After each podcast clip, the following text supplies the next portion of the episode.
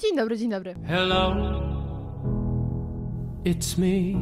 Moi drodzy, witam Was bardzo serdecznie w kolejnych Zmatshotach, czyli cyklu w ramach podcastu Zmacznego. W Zmacznego opowiadam nieznane historie o bardzo znanych produktach i potrawach, natomiast w Zmacznego robię przegląd około kulinarnych newsów. I ja wiem, że dawno mnie nie było i od tego prawdopodobnie powinnam zacząć, natomiast em, o tym, dlaczego mnie tak długo nie było, więcej mówię w najnowszym odcinku podcastu radioaktywnego, czyli moim drugim, a właściwie moim pierwszym podcaście. Także jeśli jesteście ciekawi, gdzie byłam, kiedy mnie nie było, to odsyłam Was właśnie do 114 odcinka. Natomiast tutaj nie będziemy na to tracić czasu, ponieważ jest sporo rzeczy do omówienia. No dobrze, może najpierw odrobinę prywaty, zanim zaczniemy. Bardzo, ale to bardzo za Wami tęskniłam. Także cieszę się, że tutaj ponownie mogę siedzieć i opowiadać Wam o tym, co w trawie. Jeśli weźmiemy pod uwagę kuchnię wegetariańską, to co w trawie piszczy, Ziobro, albo co po prostu w świecie kulinariów, yy, świecie gastrospożywczym słychać.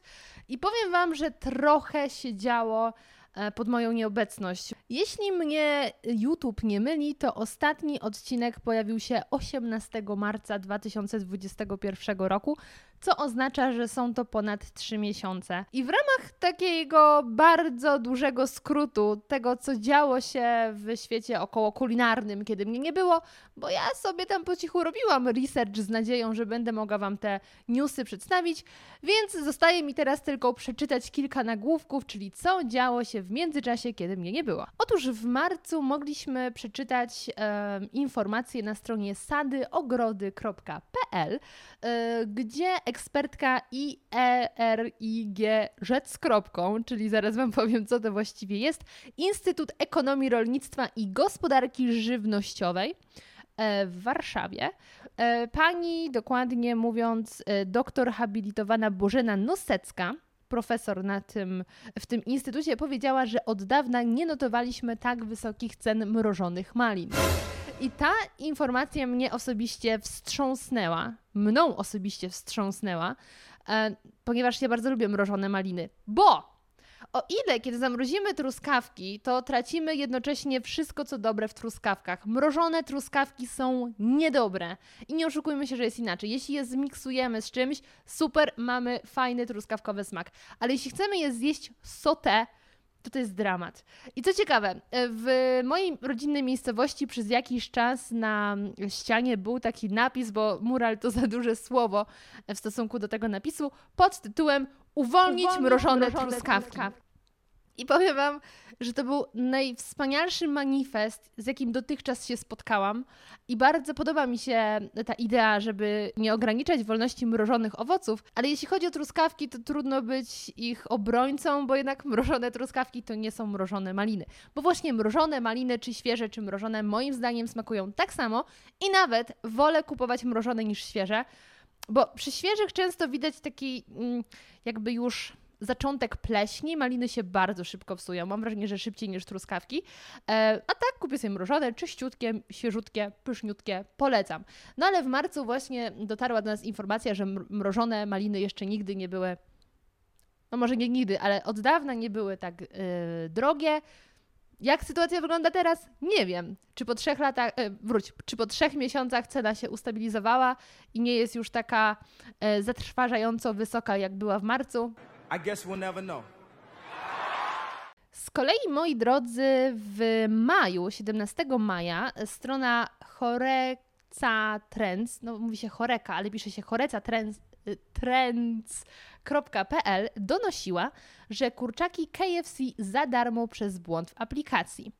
E, Darmowe kurczaki z KFC zakończyły się więzieniem dla 23-letniego mężczyzny z Chin, który korzystał z błędu aplikacji KFC i dodawał na swoje konto darmowe kupony na jedzenie. A z trochę już świeższych newsów, portal spożywczy donosił, że Mondelez przejmuje właściciela marki 7 Days. Mondelez przejmuje spółkę Chipita, właściciela m.in. takich marek jak 7 Days czy Bake Rolls.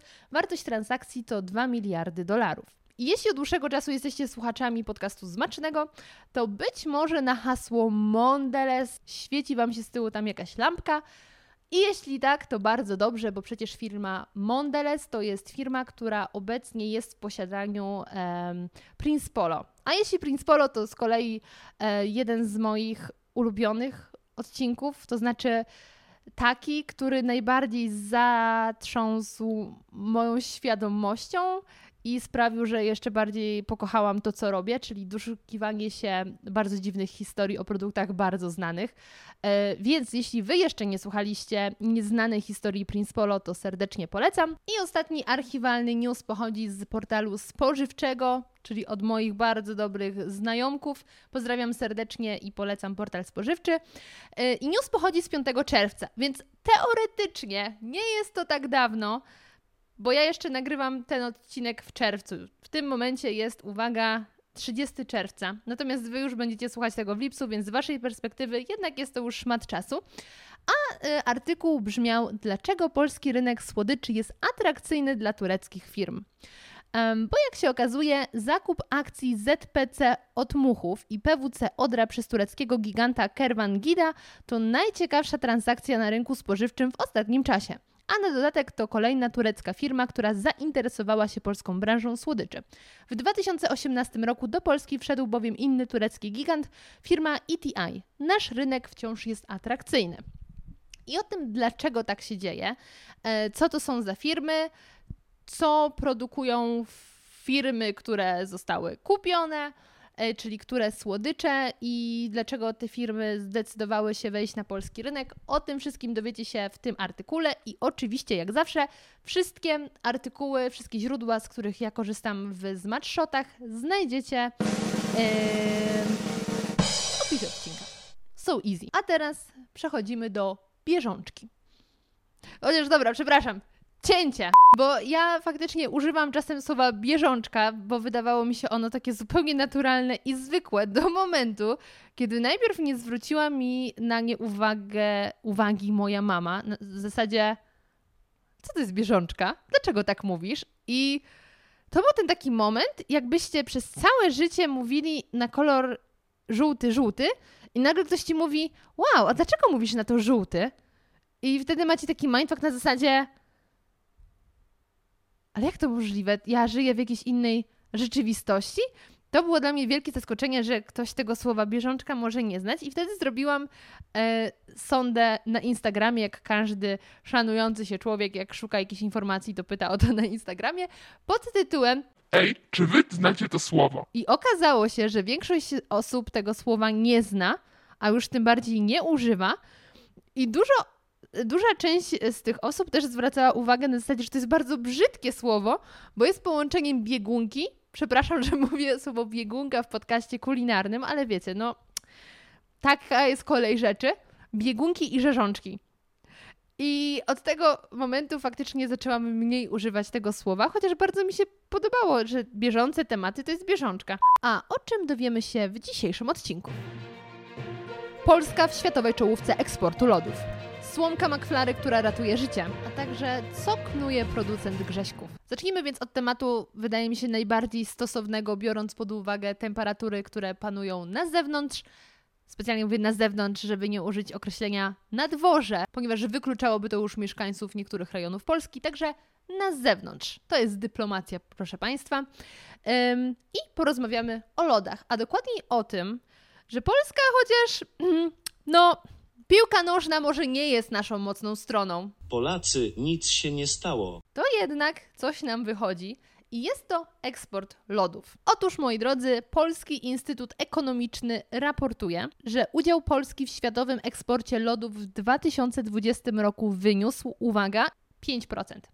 I ja wiem, że liczba 5, 5% może nie wydaje się to za wiele, ale biorąc pod uwagę, że mamy do czynienia ze światowym rynkiem, to 5% to jest bardzo dużo. Nie będę wam teraz mówić, ile to jest, ale to jest bardzo dużo. It's not just big, it's huge! I to nam daje, słuchajcie, siódme miejsce globalnie, a w Unii Europejskiej jesteśmy piątym producentem lodów z roczną produkcją na poziomie 228,7 milionów litrów. Według danych nasz kraj importuje o ponad 60% mniej lodów niż ich eksportuje. Teraz tutaj ściągawka dla tych, którym się myli eksport i import. Eksport to jest to, co my wysyłamy, import to jest to, co do nas przychodzi. I teraz taka mała wskazówka dla osób, które podobnie jak ja, mają problem z niektórymi słowami, żeby zapamiętać ich znaczenie, więc potrzebują budować sobie skojarzenia. Ciekawe, co powie migotka. Pamiętasz? Obiecałeś jej codziennie całować muszelkę.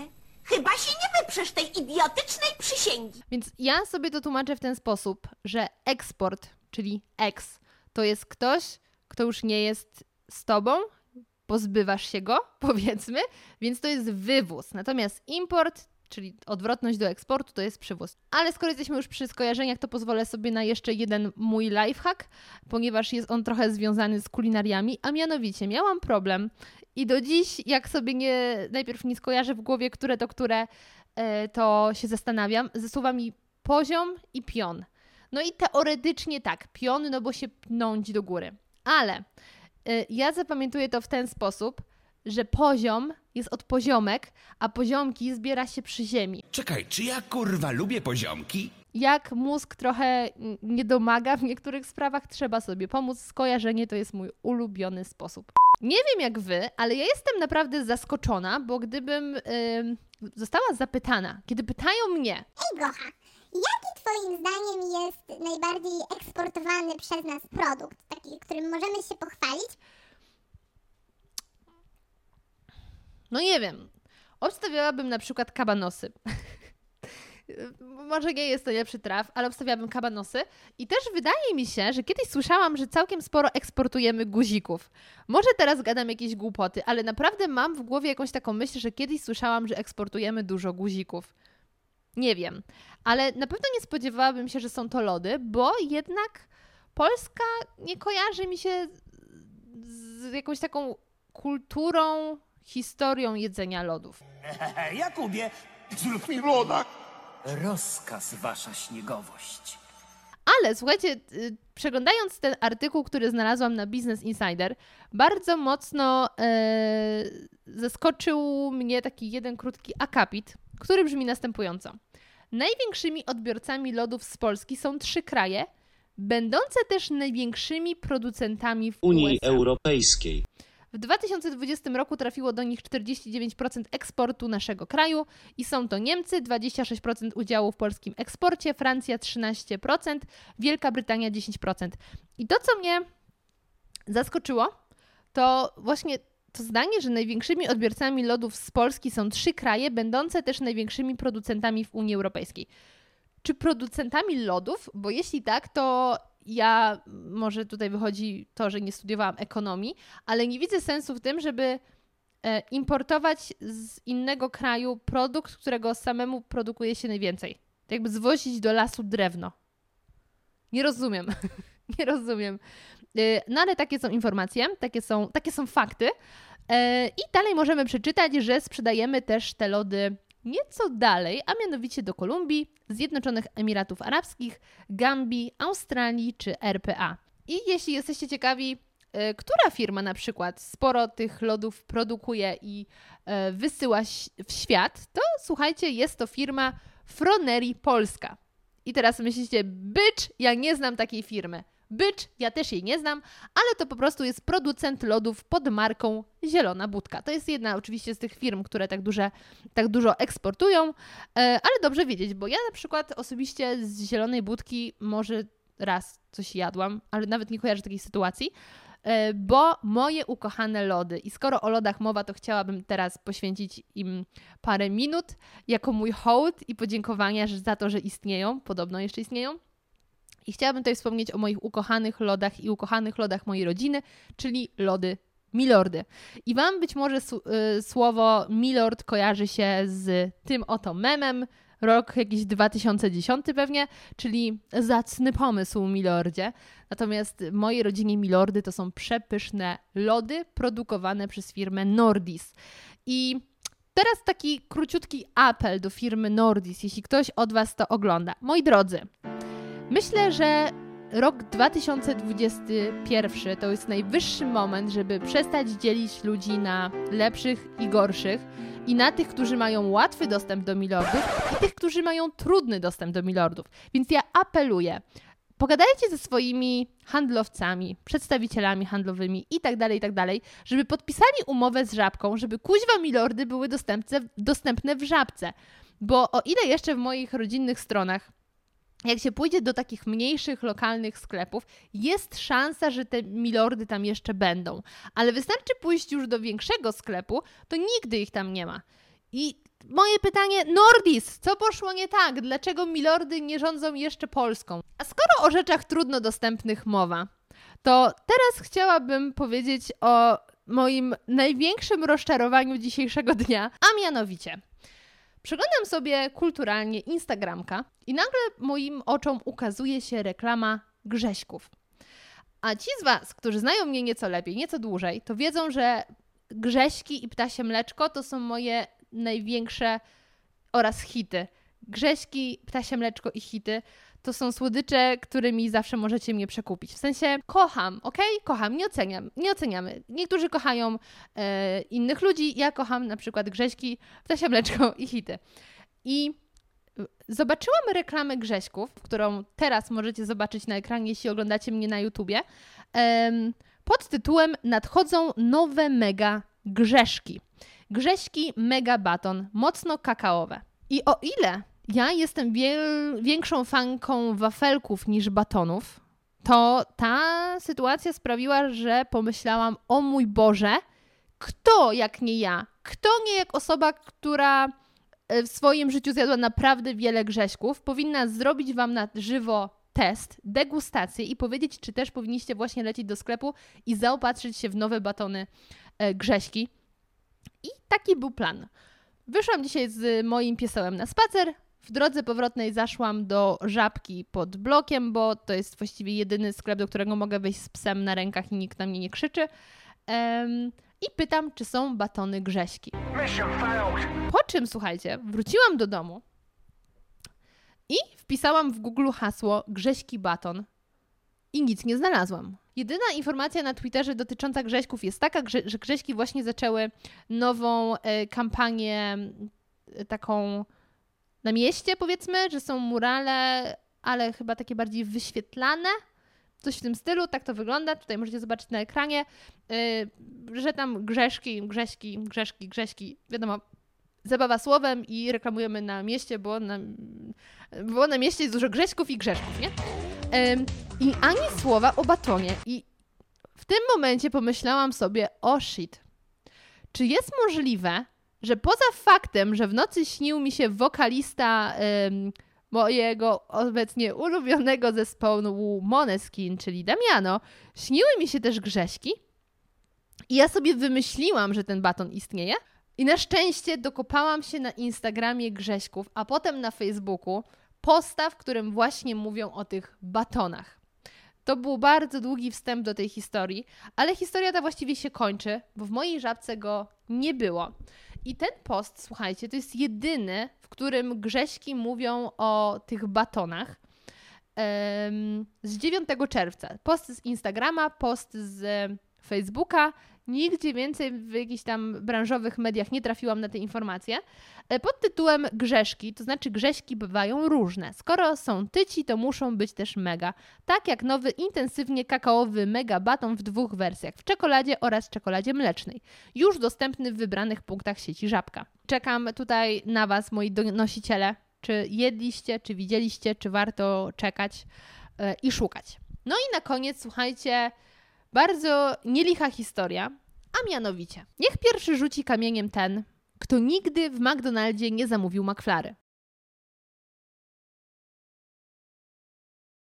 Nie widzę tutaj żadnego nadlatującego kamienia, co oznacza, że McFlary to jest produkt z McDonalda, chyba równie popularny co frytki, chociaż nie rozumiem też ludzi, którzy lubią łączyć frytki z McFlary, to jest takie tłumacz. Um, ale tak, McFlurry jest bardzo popularnym produktem z McDonalda. I też pewnie większość z Was kojarzy, jak McFlurry się robi, czyli wsypuje się tam wszystkie składniki, następnie zakłada się wieczko, wkłada się do tego taką łyżkę i tą łyżkę podłącza się do odpowiedniej maszyny, takiej McDonaldowej i to się wszystko miesza i dzięki temu jest tak fajnie skręcony i właśnie to mieszanie odbywa się za pomocą tej sprytnej łyżki. Co waszym zdaniem poza jedzeniem za pomocą tej łyżki można by z nią zrobić? Let me think. Ja wiem, pomysł, że można komuś rzucić nią w oko i wydłubać to oko jest jakimś pomysłem, ale nie do końca o to mi chodziło. Okazuje się bowiem, że ta łyżka, właściwie trochę zmodyfikowana jej wersja, jest w stanie pomóc człowiekowi z jedną z najbardziej upierdliwych dolegliwości, jakiej można się nabawić, a mianowicie z czkawką. Zacznijmy od tego, czym jest czkawka, bo myślę, że to wcale nie jest tak oczywiste. Ja w sumie do momentu przeczytania tego artykułu nie do końca wiedziałam, czy to strasznie upierdliwe, tak jak mój pies w tym momencie zjawisko jest. Czkawka jest reakcją łańcuchową, która powstaje, gdy dochodzi do skurczu przepony, umieszczonego pod klatką piersiową mięśnia w kształcie parasola, biorącego udział w procesie oddychania.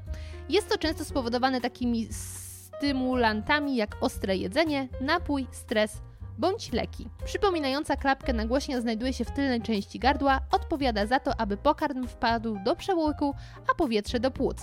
Ów sygnał alarmowy zmusza nagłośnie do zamknięcia się, co powoduje charakterystyczny dźwięk towarzyszący odruchowi czkania. Ci z Was, którzy kiedyś zmagali się z czkawką, a zakładam, że każdy przynajmniej raz jej doświadczył, bardziej lub mniej intensywnej, zna takie sposoby jak jedzenie cukru, e, przestraszenie kogoś, picie wody, zatykanie nosa.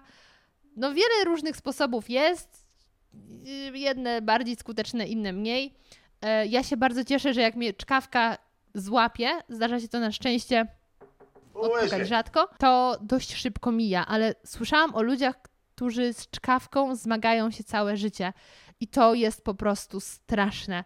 To jest tak męczące zjawisko, które właśnie mamy szansę uleczyć albo powstrzymać za pomocą wspomnianej wcześniej łyżki od McFlary. Sprawcą całego zamieszania jest dr Ali Seifi, neurointensywista z Uniwersytetu w San Antonio, który jest przekonany, że jego wynalazek jest dużo skuteczniejszy od tradycyjnych metod walki z czkawką. Ale jak do tego doszło, że dr Seifi odkrył skuteczną w 92% metodę walki z tą okropnie wkurzającą dolegliwością?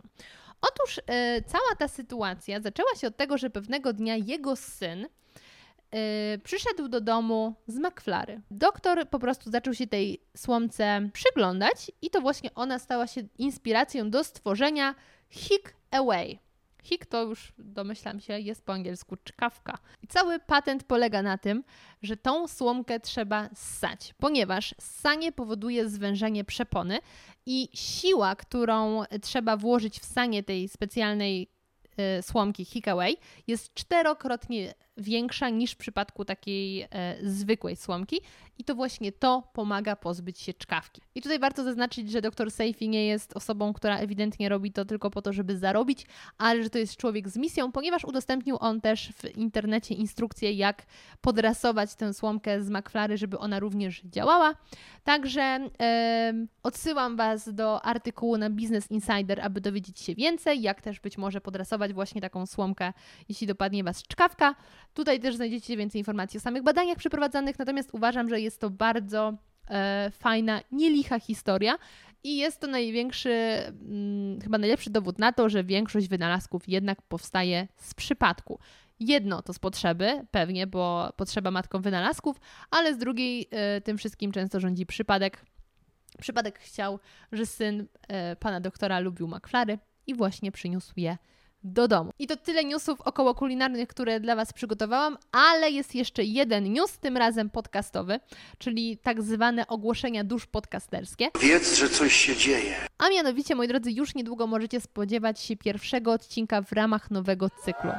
Jeszcze nie zdradzę Wam, e, co będzie się działo, ale myślę, że będą Państwo zadowoleni. Także yy, smacznego to w tym momencie będą wciąż nieznane historie o bardzo znanych potrawach cykl z Matszoty, gdzie robię przegląd newsów, tak jak w dzisiejszym odcinku, oraz jeszcze nie zdradzę co i nie zdradzę o czym, ale stay tuned, bo będzie, będzie się działo. I to tyle z mojej strony. Bardzo Wam dziękuję i do usłyszenia już niedługo.